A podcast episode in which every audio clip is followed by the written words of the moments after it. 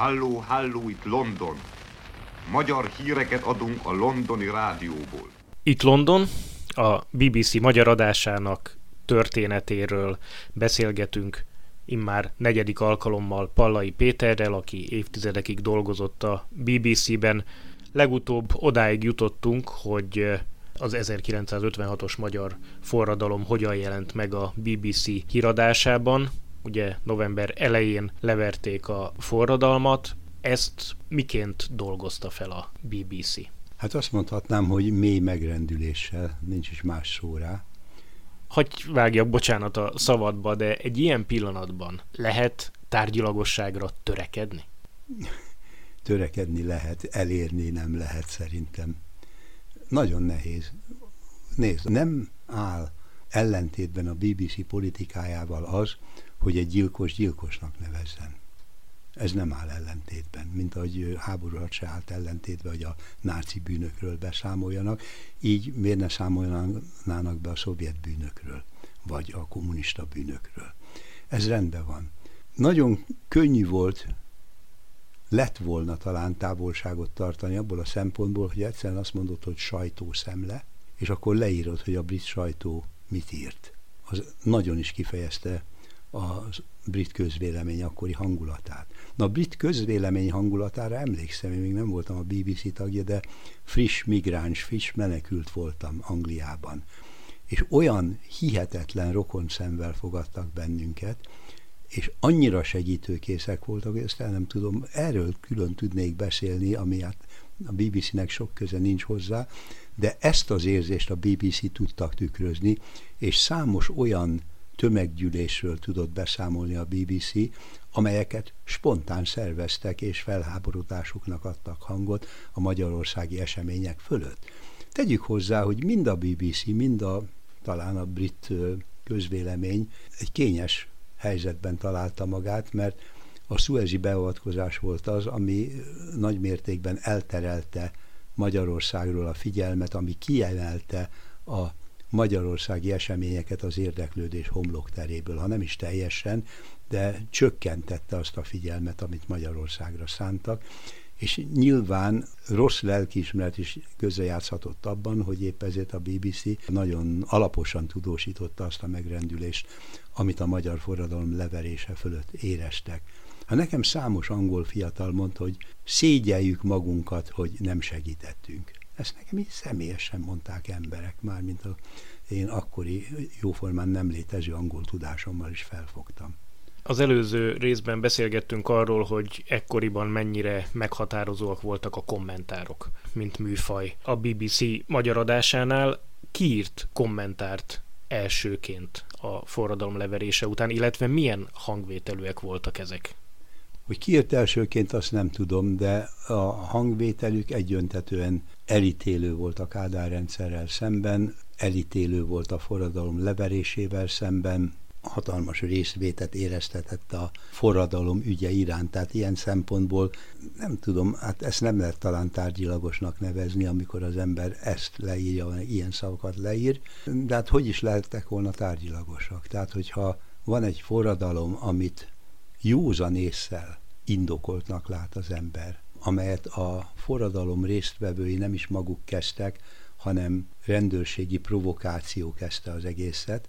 Nem is tudom, hogy hogy lehetne tárgyilagosan leírni ezt, hogy mi történt. Csak úgy lehet leírni, hogy alapjában véve fegyvertelen, védtelen embereket gyilkoltak mind a rádiónál az elején, mint pedig a Kossuth téren 25-én. Lehet, és azt nem tudom, mert nem láttam minden kommentárt, hogy a köztársaság téri lincselés, meg azok, amelyeket a forradalmi oldalon elkövettek ávósok, vagy néha sajnos véltávósok ellen, hogy azok valószínűleg nem kaptak akkora súlyt ezekben a kommentárokban, mint amelyet a pártunk és kormányunk által elkövetett bűnök. Újságíróként rendkívül nehéz lehet az a helyzet, amikor egyszerre kell az embernek BBC-s újságírónak lenni, és közben mégiscsak magyar hazafi is. Roppan nehéz. Roppan nehéz, és erre szolgáltak a szűrők. Nyilván még akkor is, ha Tarján Gyuri magyar születésű volt, neki, mint közép-európai osztály vezetőjének BBC szemszögből kellett nézni azt, ami kiment az adásban. És azért eleget tettek annak a minimális követelményeknek, hogy ne úszítsanak.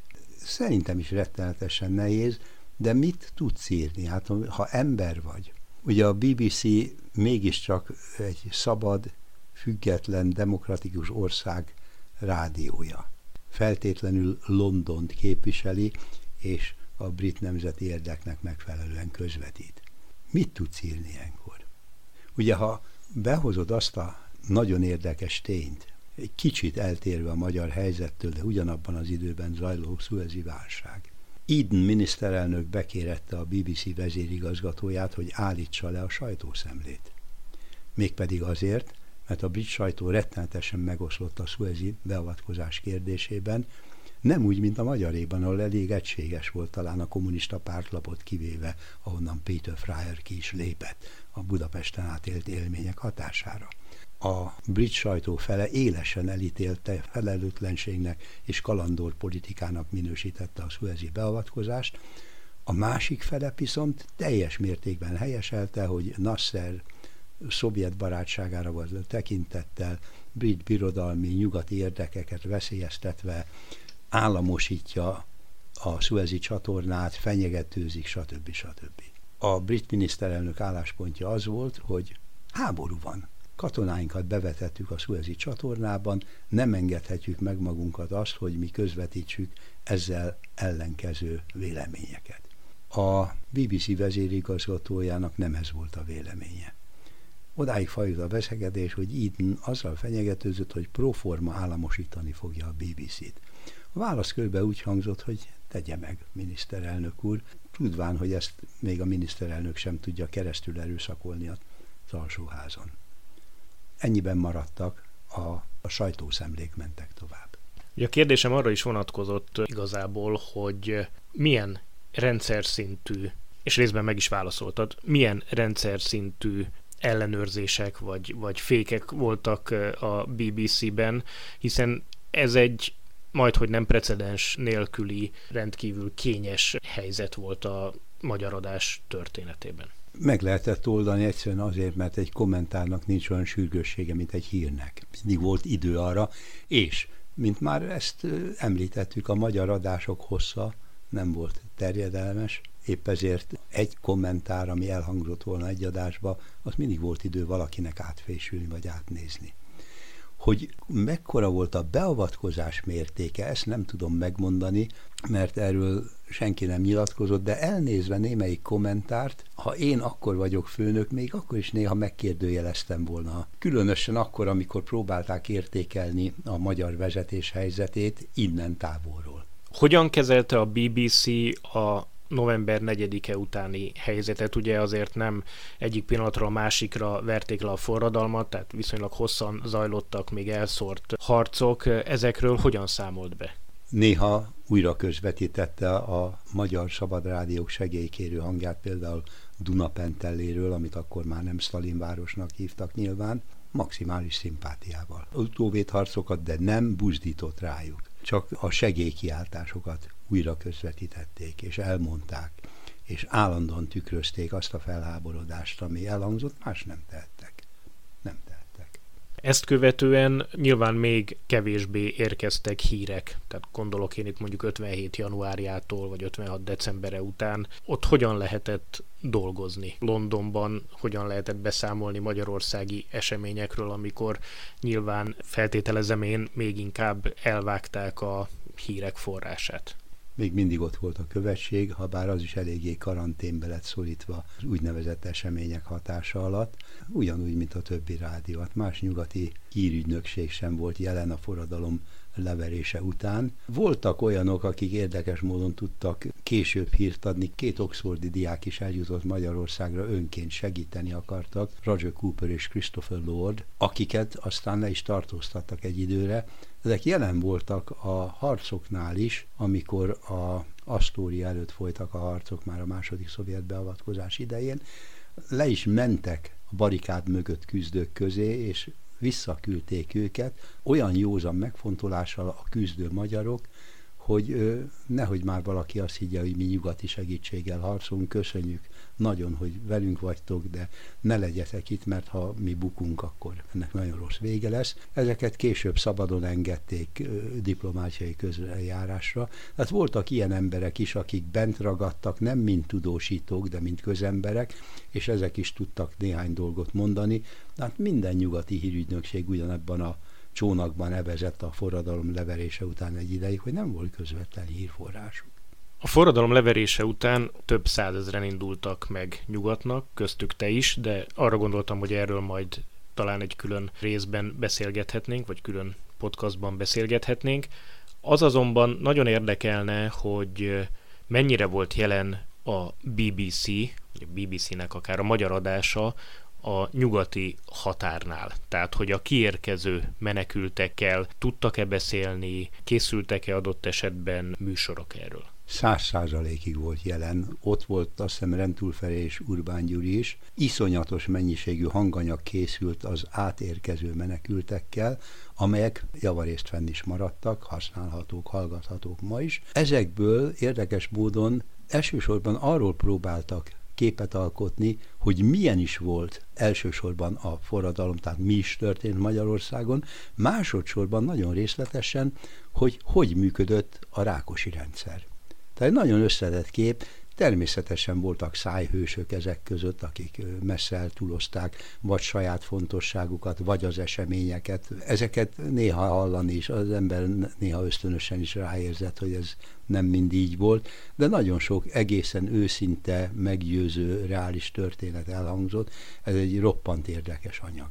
Az évfordulók azok a Kádár rendszernek mindig is a gyenge pontot jelentették. Én ugyan koromnál fogva 1986-ra emlékszem vissza, de még akkor is azért érezni lehetett, hogy elég erős tartózkodás van a rendszerben, de ez a legkevesebb, igen. De ugye az első ilyen nagy évforduló, amiről a BBC is nagyon komolyan beszámolt már, az 1966 volt a forradalom tizedik évfordulója. Igen, hát külön műsor készült természetesen a magyar adásban, de a brit televízió, a belföldi televízió is egy nagyon parádés műsort készített erről, és hát ez nagyon-nagyon felizgatta a kedélyeket Magyarországon már, mint a hivatalos szerveket.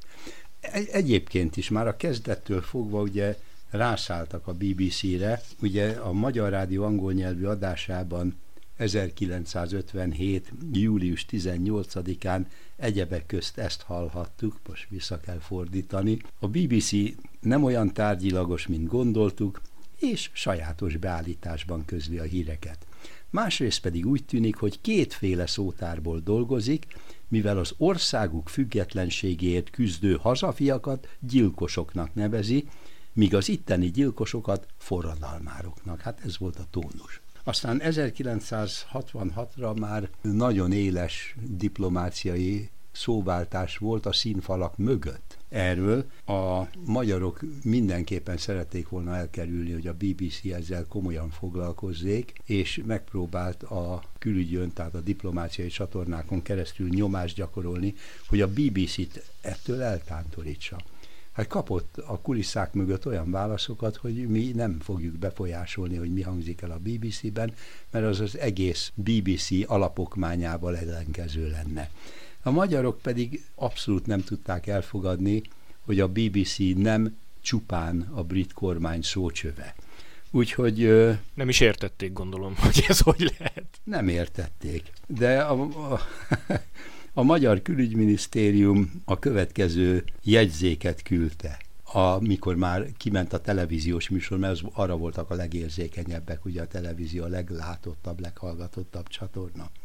A Magyar Népköztársaság kormánya sajnálattal kell, hogy megállapítsa, hogy az elmúlt hetekben az Egyesült Királyság hírközlő és propaganda szervei visszatértek a hidegháborús módszerekhez, és a jelenlegi körülmények közt példátlanul ellenséges propaganda kampányt folytatnak a Magyar Népköztársaság ellen. Ezek az idejét múlt propaganda akciók azon túl, hogy károsan befolyásolhatják kapcsolatainkat, egyben az általános nemzetközi légkört is mérgezik. Csodálatos szöveg a maga nemében. Volt, még több is, de nem fárasztom a kedves hallgatóidat ezzel. De, de roppant durva reagálás. A műsor ma is megtekinthető, megvannak a felvételek. Magam is részt vettem benne. Az embertől egyszerűen megkérdezték, hogy mit élt át, mit tapasztalt személy szerint. Én nem mondtam se többet, se kevesebbet, nem analizáltam, annak idején részt vettem a harcokba, és elmondtam, amit láttam. Voltak természetesen írmagyarázatok, kommentárok, és ott voltak a képek, a filmfelvételek, amelyek magukért beszéltek. Látni lehetett, hogy a magyar kormány rettenetesen kényes volt arra, már akkor a 60-as években, hogy milyen benyomás kell külföldön.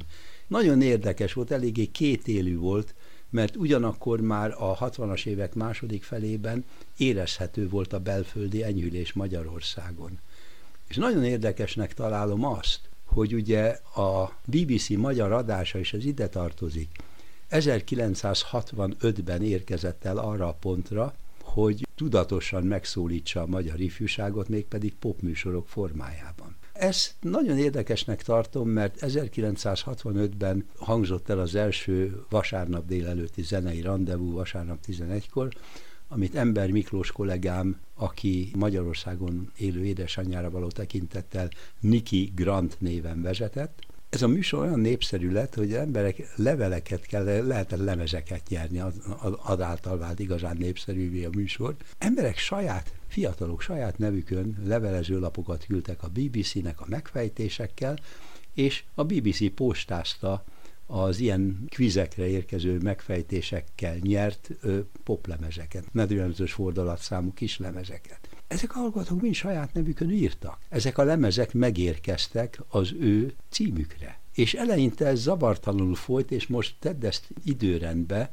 hogy ez egy évvel a vitatott televíziós műsor és évfordulói műsorok előtt már az enyhülésnek ez a formája megvolt. Tény, hogy én tudok olyan esetekről, később én vettem át ezt a műsort 68-ban, most nem erről beszélünk, tudok olyan esetekről visszamenőleg is, amikor már kiszálltak iskolákba, és olyan hangok elhangzottak, ezt hallgatóktól hallottam, egykori hallgatóktól, hogyha óhajtja, hogy gyermeke tovább tanuljon, akkor ne levelezzék a BBC-vel. Volt, ahol keményebb nyomás volt, ez azt hiszem helyi káderektől függött, hogy milyen mértékben léptek fel, ha egyáltalán a BBC popműsorainak hallgatása ellen. Ezeknek semmilyen politikai tartalmuk nem volt, de nyilvánvalóan elhintették az emberekben a vágyat, hogy másképp éljenek, hogy más zenét is hallgathassanak. Ennek aztán később lett folyamánya, ami talán egy későbbi műsornak lehetne témája, hogy mi lett ezekből a műsorokból később, és mi lett azokból, akik nyilatkoztak a BBC-nek de megvolt ez a fajta érezhető enyhülés a magyar belpolitikában, hogy egyáltalán lehetségesé vált. Úgyhogy ez nagyon kétélű dolog volt, a BBC feltétlenül ellenséges adó volt, és sajnos még mindig nem volt lehetőség arra, hogy a BBC osztályának legyen egy tudósítója Budapesten. Egyrészt nem is volt hivatalos érintkezés akkoriban a Magyar Rádió és a BBC között, és a BBC-nek nem volt budapesti tudósítója, állandó tudósítója csak azt hiszem 80, meg kellene kérdezni Nick Thorpot, aki még mindig Budapesten él, magyar feleséggel és öt itt született gyerekkel, aki valamikor a 80-as évek második felében megjelent, még nem volt BBC stáb, és ő lett az első fecske, aki nagyjából permanensen tudott innen tudósítani. De akkor még nyoma se volt ennek. Nagyon érdekesnek tartom, hogy a popműsor hallgatása viszonylag büntetlenül, viszonylag zavartalanul folyhatott, ugyanakkor a BBC-t határozottan ellenséges adóként könyvelték el. 1966-ban a már emlegetett könyvetek szerint, amit Sárközi Mátyással közösen írtatok az 1956-os magyar forradalomról, illetve hogy ez miként jelent meg a BBC tükrében. Tehát 1966-ban a könyvben az szerepel, hogy a budapesti brit nagykövet előre óvta a BBC-t olyan műsorok készítésétől, amire a magyar hatóságok dühötten reagálnának. Tehát, hogy volt egyfajta ilyen diplomáciai Hát nyomásnak azért nem nevezném, csak nyilván egy ilyen figyelmeztetés előre, hogy milyen következményei lehetnek egy ilyen műsornak. De a tények azt mutatják, hogy ez különösebben nem érdekelte a BBC-t. Én nevezném nyomásnak, de a BBC ennek a nyomásnak ellenállt, és nem az első és nem az utolsó eset, hogy a BBC és a külügyminisztérium véleménye eltért egymástól ebben az esetben. Igen, ezek a műsorok elkészültek mind belföldi, mind pedig külföldi fogyasztásra, annak ellenére, hogy a brit diplomácia rettenetesen aggályoskodott. Nyilván aggályoskodott azért is, mert az itthoni úgymond enyhülésben, meg a, a gazdaságpolitika változásából helyesen olvasta ki ezt az enyhülő tendenciát, és esetleg nem akarta veszélyeztetni a kapcsolatokat, esetleg ö, tompítani akarták volna a hidegháborúkat. De a hidegháború ténye, vagy a hidegháború tompításának szándéka azért még nem tántoríthat el egy rádióadót attól, hogy becsületesen megemlékezzék egy nagyon fontos évfordulóról. Későbbiekben aztán te is csináltál műsorokat. Mennyire volt számodra nehéz egyszerre BBC-s újságíróként és egykori résztvevőként ezeket a műsorokat összeállítani? Egyrészt szakmai szempontból, másrészt pedig érzelmileg. Érzelmileg nehezebb volt, mint szakmailag. Nekem 1956 az egyik, tudom, hogy ez hogy hangozhat egy fiatal számára ma, életem egyik legszentebb korszaka volt, amikor egy nép felülemelkedett önmagán. Most, hogy erről, hogy mondjam, józan, hideg hangon hogy lehet nyilatkozni, azt én nem tudom. Ennek megfelelően én azokban a műsorokban, amelyeket készítettem, meg se szólaltam, legfeljebb az összekötő szöveget olvastam.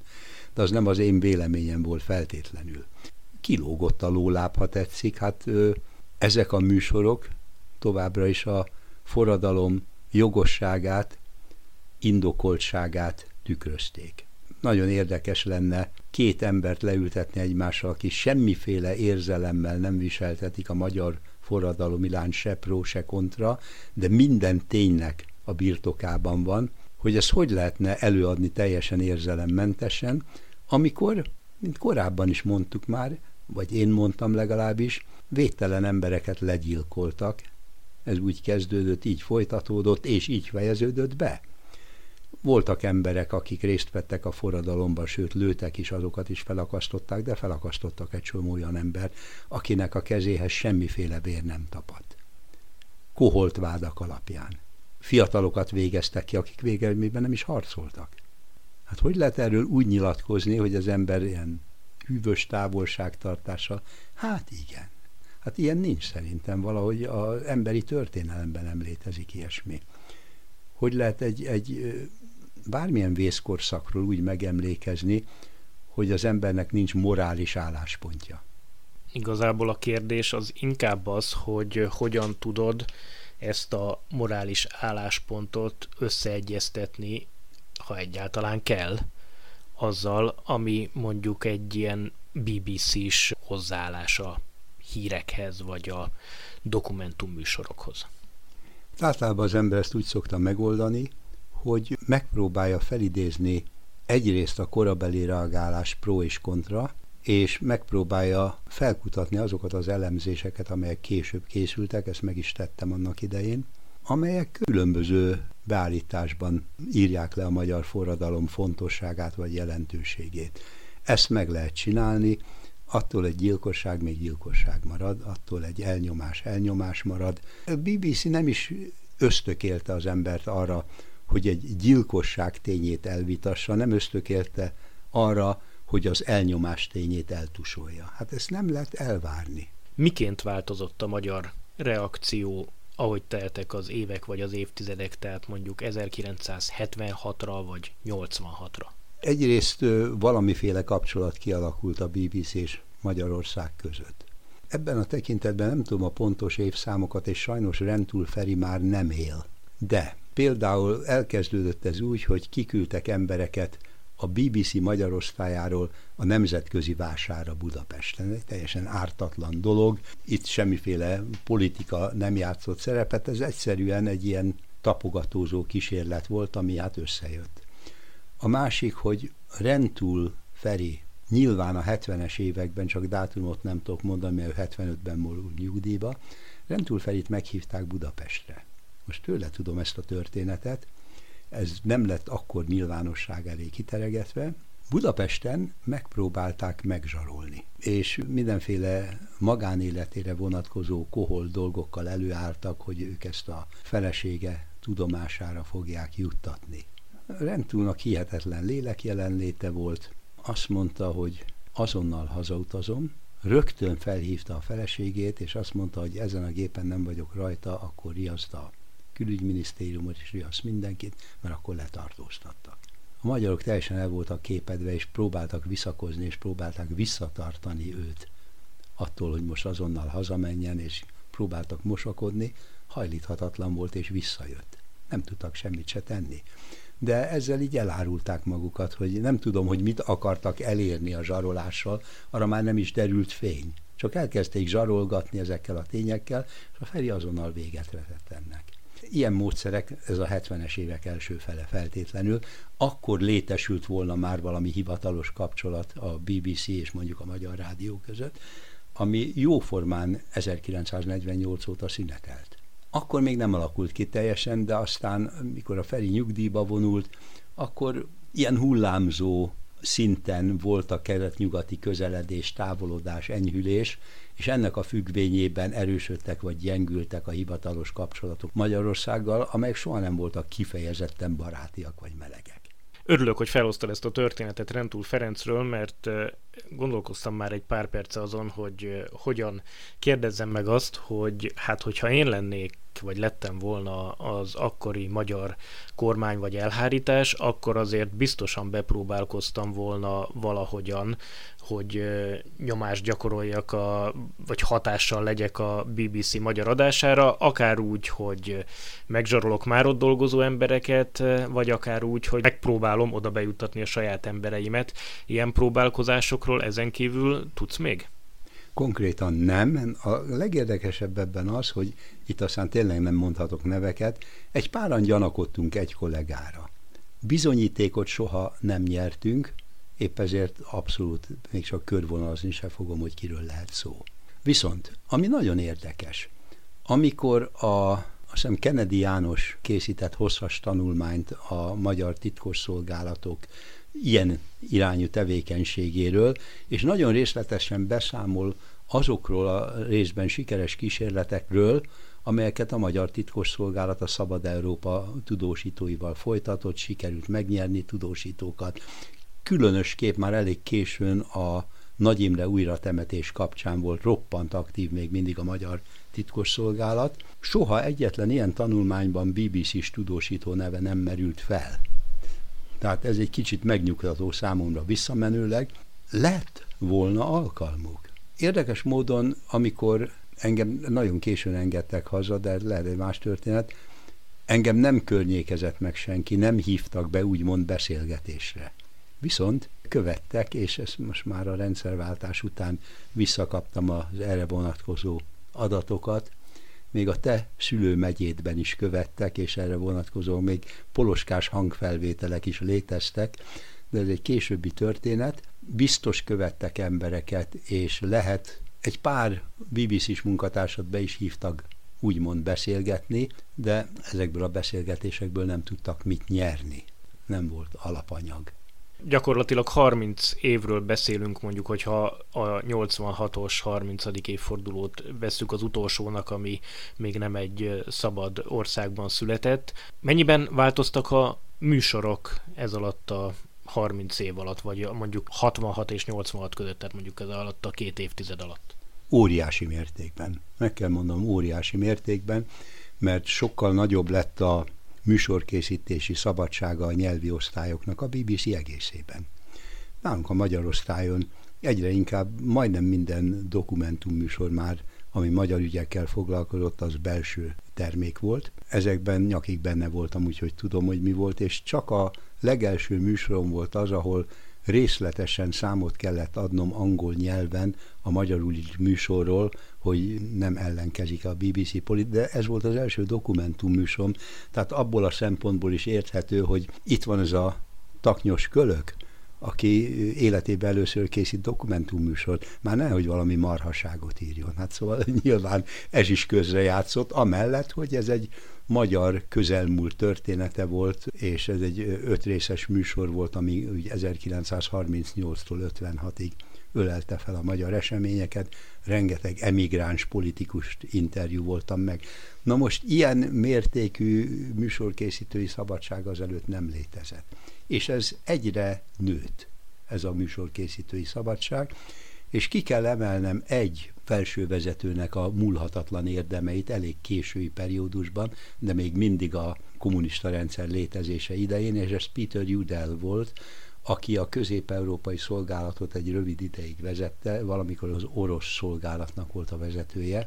Ő egy jó rádiós is volt, de nagyszerű menedzser, és ilyet az ember, én nem szívesen mondok ilyet, mert a sok szempontból a menedzsment szemlélet ö, nagyon ártott a BBC-nek ö, a 80-as években, nagyon káros hatása volt, de ő egy inspiráló, roppant produktív menedzser volt. Például, na ez a legérdekesebb ebben, neki volt köszönhető, hogy Krassó György, aki hát nem ő aztán egy igazán radikális ellenzéki figura volt, a BBC munkatársaként tudott működni.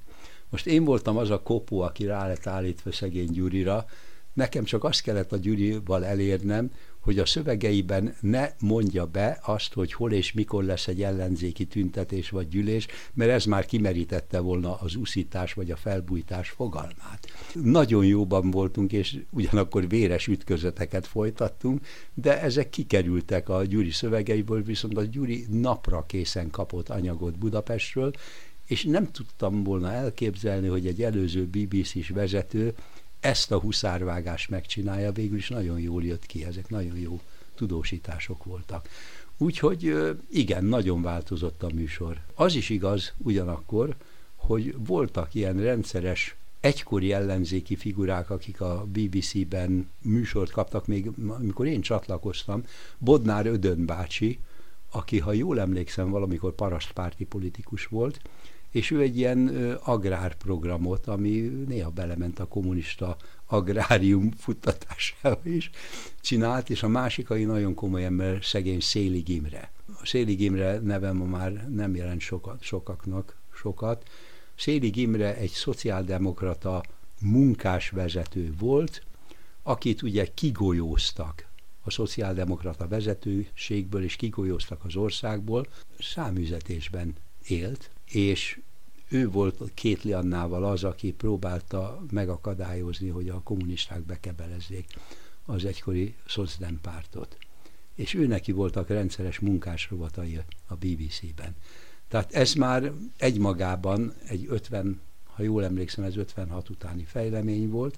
Ugyanakkor két Liannát is meginterjú volt a BBC, aki hát Nagy Imre kormány tagja volt, és később emigrációban hunyt el nagyon-nagyon változtak ezek a műsorok. So, sokkal több volt az a közvetlen magyar téma, amivel foglalkoztunk, még mindig közel sem olyan szinten, mint a Szabad Európa. Nagyon érdekelne az, hogy hogyan lehetett összefésülni egy olyan szerkesztőséget, amiben jelen voltak az általad előbb is említett műsorkészítők, és ugyanakkor pedig egy idő után megjelentek azok a fiatalok, akik, mint mondjuk te is, már 1956 után érkeztek meg. Így az ember azt gondolná visszatekintve, hogy ez azért járhatott némi feszültséggel, hiszen rendkívül különböző stílusú, világképű, korú emberek dolgoztak együtt. Ez teljesen igaz, és elképzelhető ugye, hogy hány magyar emigrációs hullám volt. Volt ugye először a 38-as, akik a hitleri befolyás elől menekültek, a 45-ös, ami egy vegyesebb társaság volt, mert volt, aki a kommunizmus elől, volt, akinek kis kötődése volt még a horti rendszerhez, és akkor jöttek az 56-osok. Még 48-ban is kijöttek még egy páran, akik végképp kiábrándultak a kommunista rendszerből úgy lehetett összefésülni, hogy a kommunista rendszer fennállása az egy nagy összetartó kovása volt a magyar osztálynak. Ezt ellenezték azok is, akik baloldalibbak voltak az osztályon, például jó magam, én ezt soha nem rendeltem véghalá, én egy normális világban egy jobboldali szociáldemokrata lennék, így, így jellemezném önmagamat, de hát hol éltem én normális világban. És voltak olyanok, akik tőlem sokkal jobbra álltak. De a legjobb példa erre az, hogy hogy, hogy működött a magyar osztály, az Rentul és helyettese a katonapali. Rentul Feri csontkonzervatív, royalista, mármint angol értelemben nem a Habsburgok akarta itt vissza, Katonapali pedig egész életében munkáspárti szavazó, velem egyivású, csökött szociáldemokrata, nem szocialista. Néha állatian összevitatkoztak, nem műsorról, hanem elvi kérdésekről imádták egymást, és nagyszerű barátság állt fenn a két ember között, és szakmailag száz százalékig megbízhattak egymásban. A hozzáállásuk ismerőben más volt a természetük is, felé egy kicsit ilyen autokrata, hát mind egy igazi rendes jobboldali tekintélyelvű emberhez illik, de ő volt az utolsó olyan főnök a BBC-be, akit ismertem, illetve ez nem teljesen igaz, mert angol nyelvű osztályon is dolgoztam, volt ott más is, de a Rentul Feri rettenetesen kiállt az embereiért, fölfelé. Ebből szóval gerinces volt. Rendúl Feri, ha valami krízis volt, akkor mindenkit összetrombitált, fedélzetre volt. Katona Palibásit úgy ismertük, ez volt az adoma róla, Arról tudod, hogy krízis van, hogy Palibácsi hátradől a székében szivarra gyújt és elkezd adomázni. Amellett kiváló rádiós volt. Palibácsi rovata volt a irányzatok és események a kommunista világban, egy zseniális rovat, az is egy ilyen önálló magyar rovat volt, már nem nagyon nézték át, Pali bácsi régi motoros volt. Nagyszerű rovat volt, mert ez egy nagyon magas szinten folytatott kremlinológia volt, Persze, hogy te a levelekből kellett következtetni, meg abból, hogy kiáll, mit tudom én, Brezsnyev elvtárs, két lépésre jobbra a, disztribünön november 7-én, de nagyon összeszedett dolog volt, és ilyen holisztikusan tudta nézni a magyar helyzetet, az egész kommunista világ függvényében. Nekem is voltak vitáik kollégákkal, választásokról, hogy ki mire szavaz Angliába, és ott teljesen kőkeményen kiderül, hogy ki fog a tórikra szavazni, ki fog a munkáspártra, ki fog a liberálisokra, és kitojik az egészre.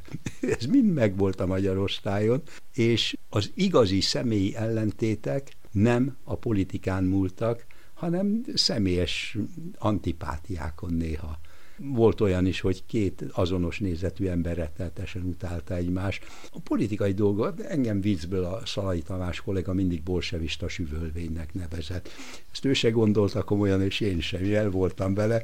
Néha nem, nem tudom most elmondani neked, hogy én mit válaszoltam néha erre, de... Talán jobb is.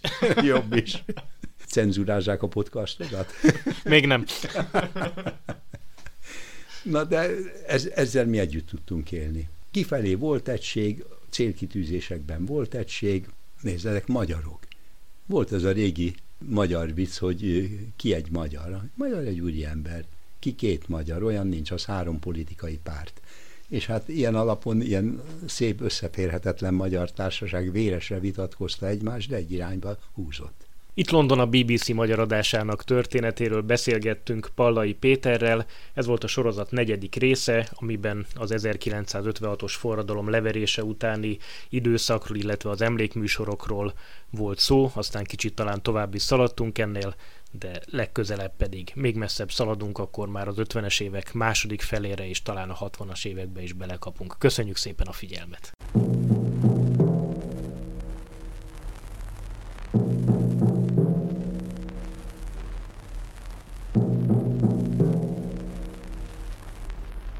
Halló, halló, itt London. Magyar híreket adunk a londoni rádióból.